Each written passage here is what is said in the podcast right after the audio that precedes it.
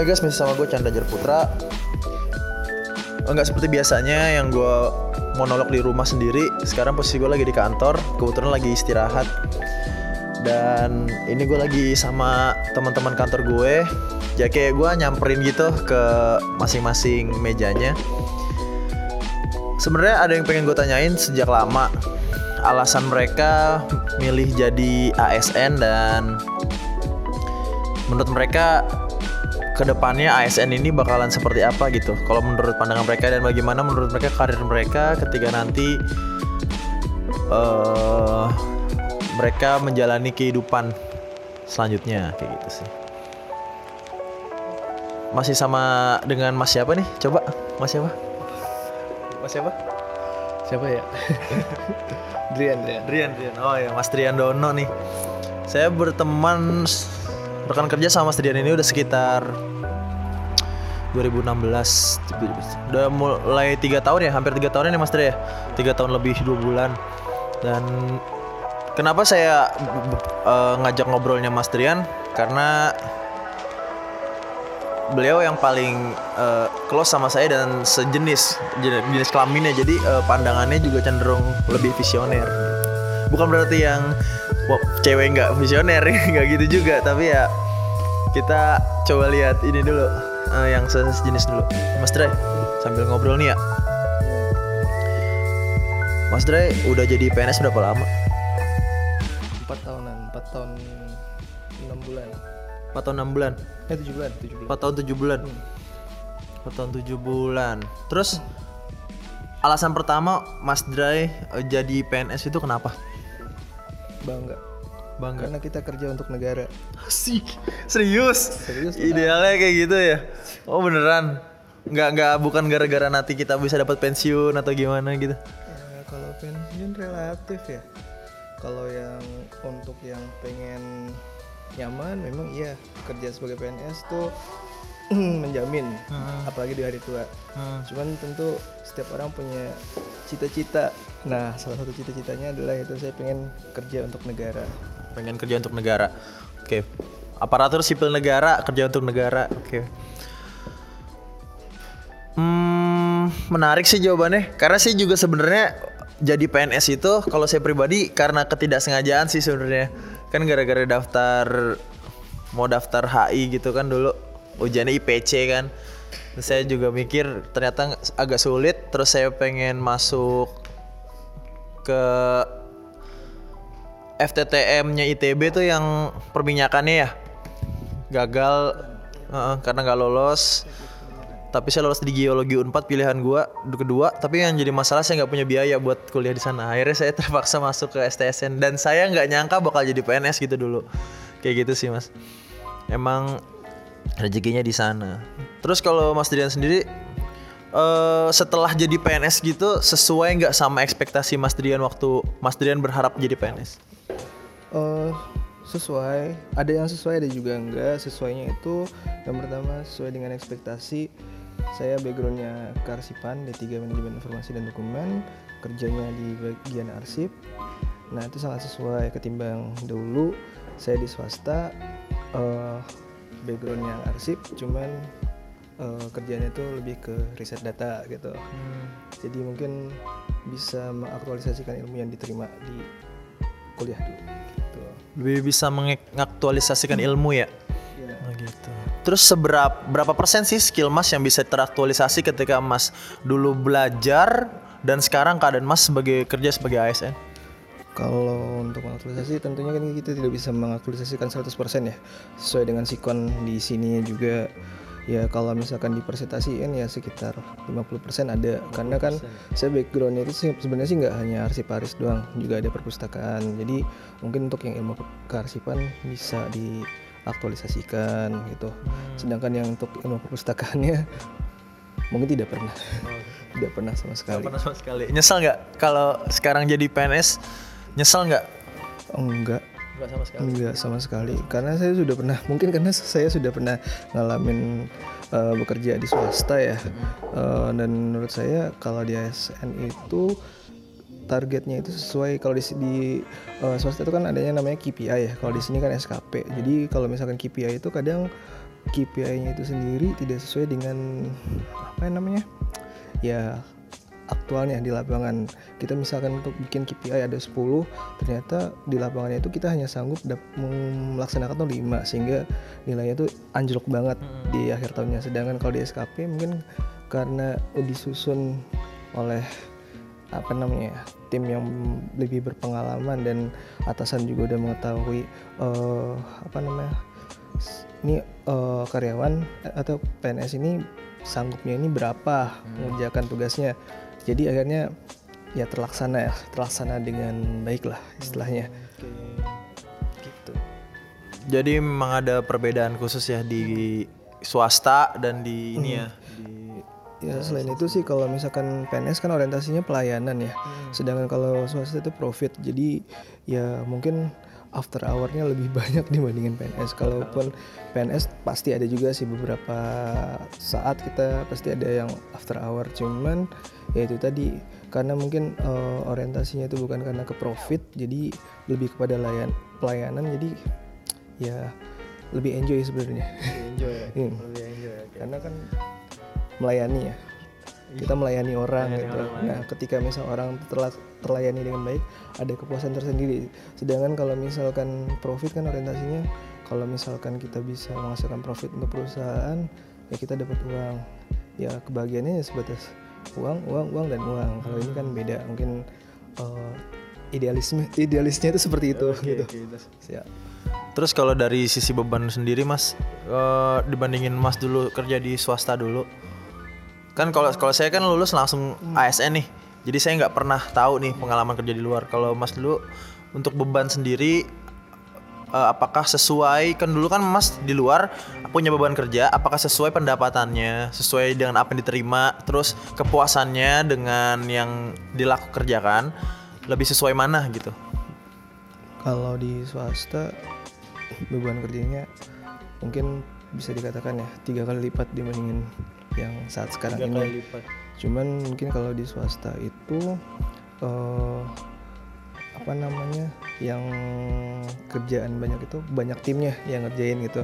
Sedangkan kalau di sini ya timnya lebih kepada ke teman-teman di unit kerja. Emang sih ada beberapa saat kita eh, akan kerjasama dengan tim dari luar unit kerja kita. Ketika contohnya adalah ketika kita mengerjakan pokja ya, ada kelompok kerjanya itu. Cuman ya eh, dalam setahun mungkin cuma sekali atau bahkan setahun sel- selama setahun tidak ada gitu. Kalau di swasta kita akan sangat sering bekerja sama dengan pihak lain dari luar unit kerja kita.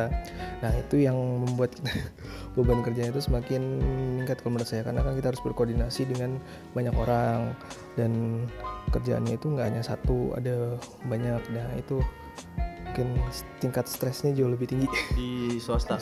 Oke. Terus kalau dari segi keber- kebermanfaatan nih ya, nih Mas nih kebermanfaatan ini. Mas waktu di swasta merasa lebih bermanfaat Mas posisi Mas waktu di swasta atau lebih bermanfaat Mas di posisi sekarang?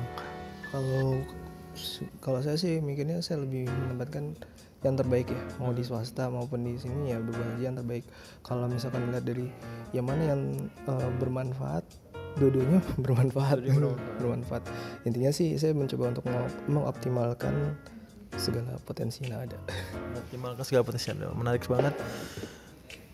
Saya pertama kali kita ngobrol kayak gini Mas ya. Maksudnya kita kita rekam terus ngobrol kayak gini padahal kita sering sharing.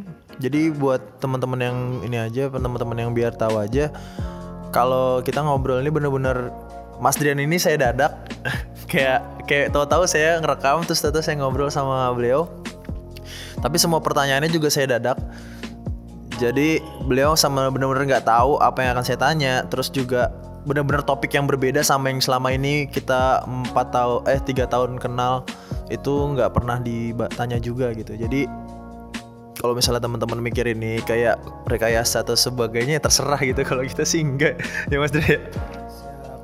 Terus mungkin pertanyaan lainnya Mas. kalau menurut Mas masa depan Mas sendiri sebagai ASN itu seperti apa dengan keadaan pemerintah yang saat ini dan ke depannya menurut Mas? Kalau menurut saya sih kalau dari sisi apa ya hmm, penghargaan itu ya ASN pastinya sekarang lebih dihargain ya. Oh, contoh nyata adalah THR. Dulu nggak ada, sekarang ada. Oke, THR. Ujung-ujungnya duit. Terus yang kedua adalah oh ini kalau sekarang kan eh, lebih kepada penguatan di fungsi ya.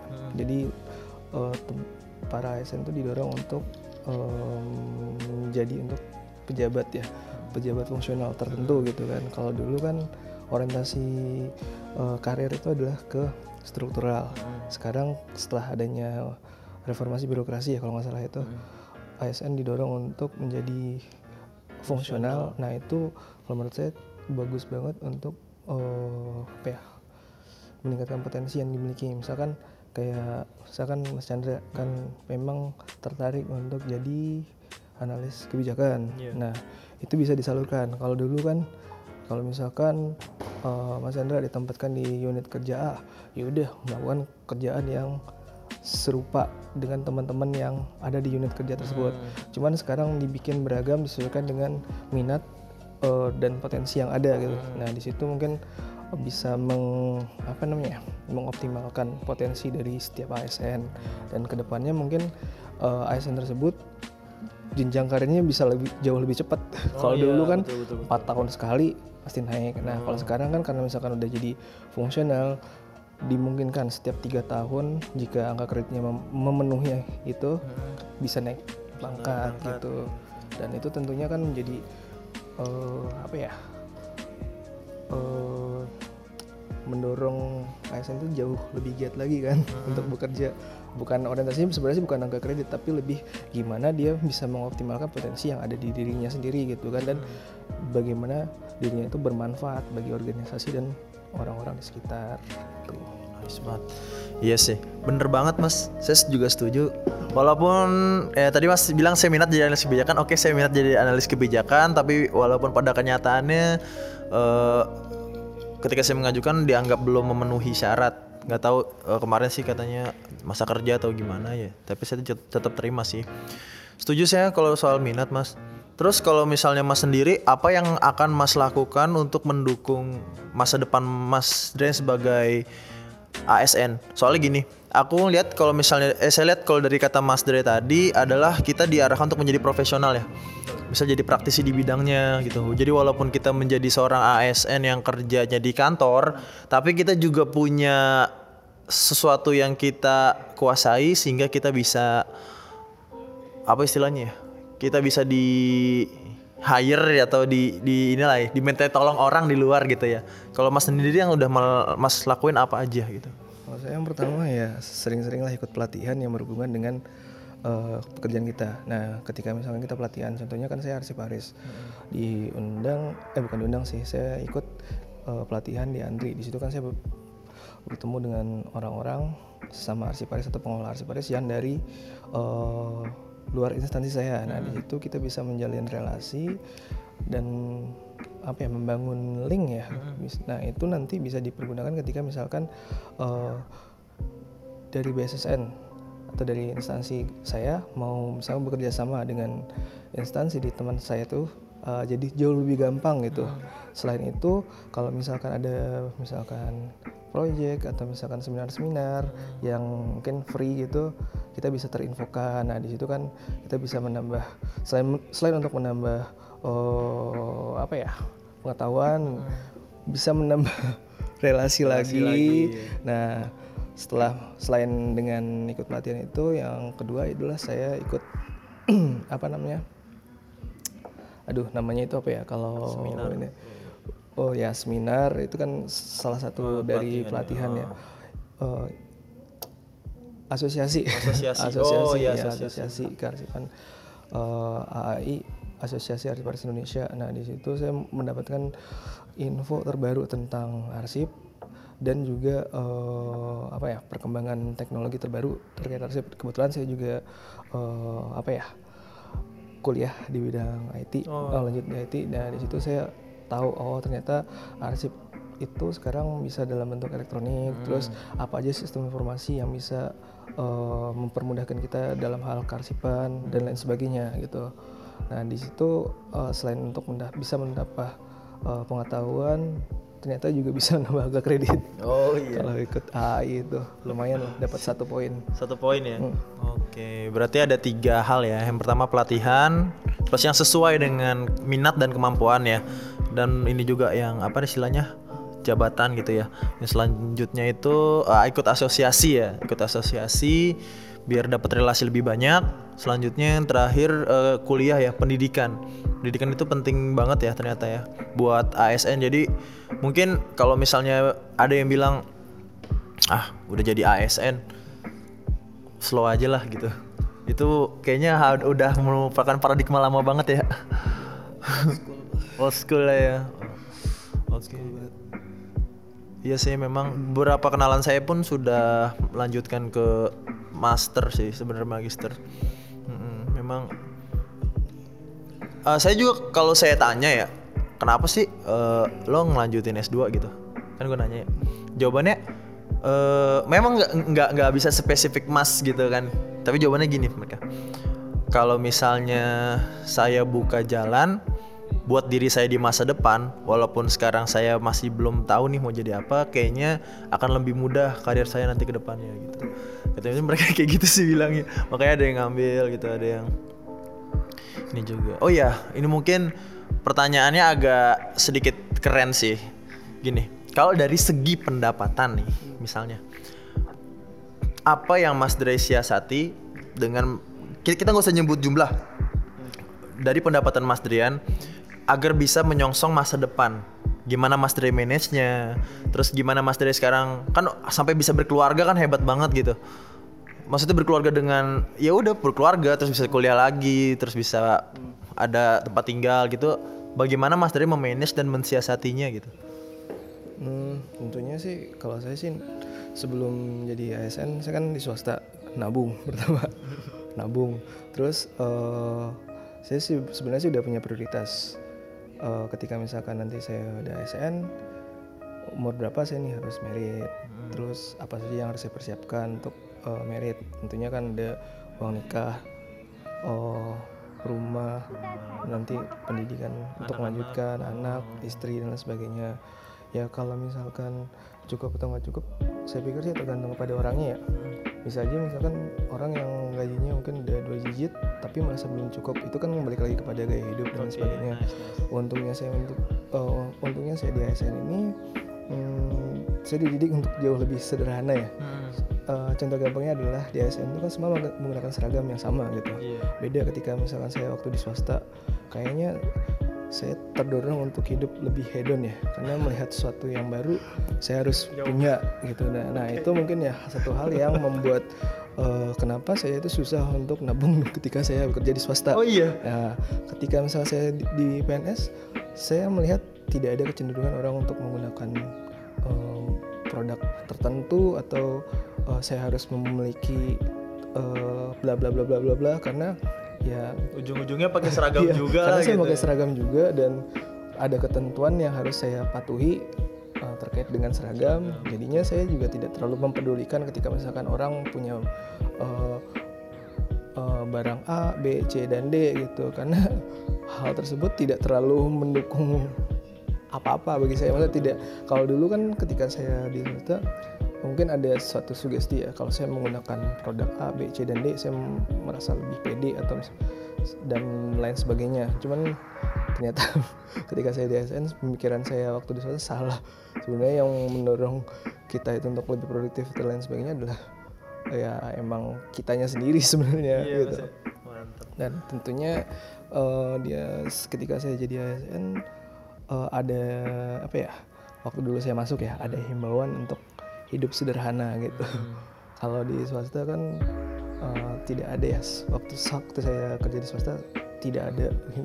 dan memang lihat eh, latar belakang orang-orangnya mungkin eh, orang-orang yang berada. Jadi kayaknya tuh berpacu untuk menjadi lebih lebih lebih lebih. Tapi dalam dalam apa ya arti kata yang arah ke hedonis gitu. Oh, oke. gitu.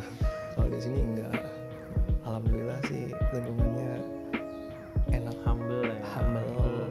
Walaupun ada sih teman-teman saya yang berada juga tidak dinampakkan gitu kan. padahal ketika nyampe di rumahnya wah gitu. Oke oke nice nice. gitu. cuman ya di situ mungkin secara tidak langsung mendidik saya untuk hidup jauh lebih eh, sederhana dan stay humble. Nice banget emang sih. Sadar nggak sadar ya mas ya? Sadar nggak sadar emang kayak gitu. Kayak ya udah ada memang kadang-kadang sih emang suka ada kayak stigma tertentu gitu ASN gitu. Eh, ASN gitu doang gitu kan. Terus mereka tuh kerja pulang gitu kan. Malah ada istilah baru yang gue temuin di lingkungan tertentu bilang gini Chan lu ASN ya?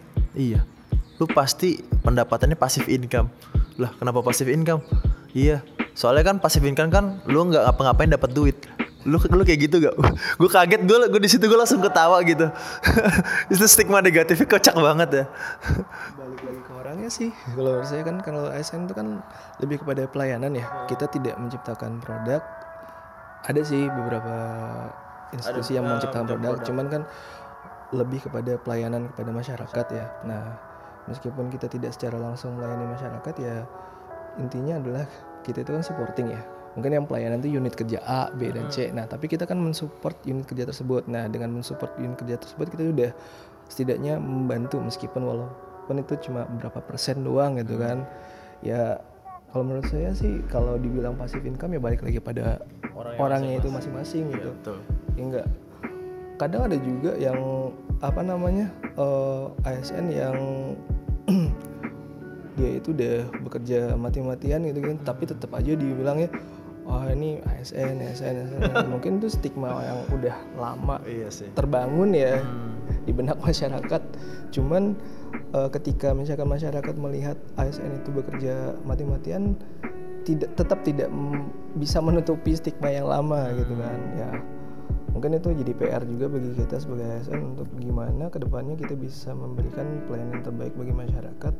Ya meskipun tidak secara langsung eh, kita memberikan pelayanan tapi mereka merasakan oh, dengan adanya ASN tuh Ah. saya terbantu gitu. nah itu sih. Iya sih saya setuju. Nah buat teman-teman juga nih ya yang dengerin obrolan kita gitu. Ya baiknya sesama ASN ataupun enggak Untuk yang sama ASN sih kan masukannya banyak nih dari Mas Trian sendiri gitu. Yang paling poin paling penting sih tingkatkan kompetensi diri. Kalau misalnya emang masih ada kesempatan untuk bisa melanjutkan pendidikan lanjutin ya mas ya. Pelatihan pelatihan kalau misalnya ada asosiasi join asosiasi ya udah seaktif mungkin gitu. Join komunitas yang produktif. Terus juga mungkin untuk yang hidup lebih sederhana ya mas untuk lebih sederhana gitu. Ini kita nggak belum bicara soal eh, ASN yang kayak punya bisnis di luar gitu kan ya. Cuman ini kita fokusnya ke sana aja gitu. Kita hidup lebih sederhana terus kita bisa lebih manage uang dan lebih sadar sama keadaan kita sendiri ya mas ya.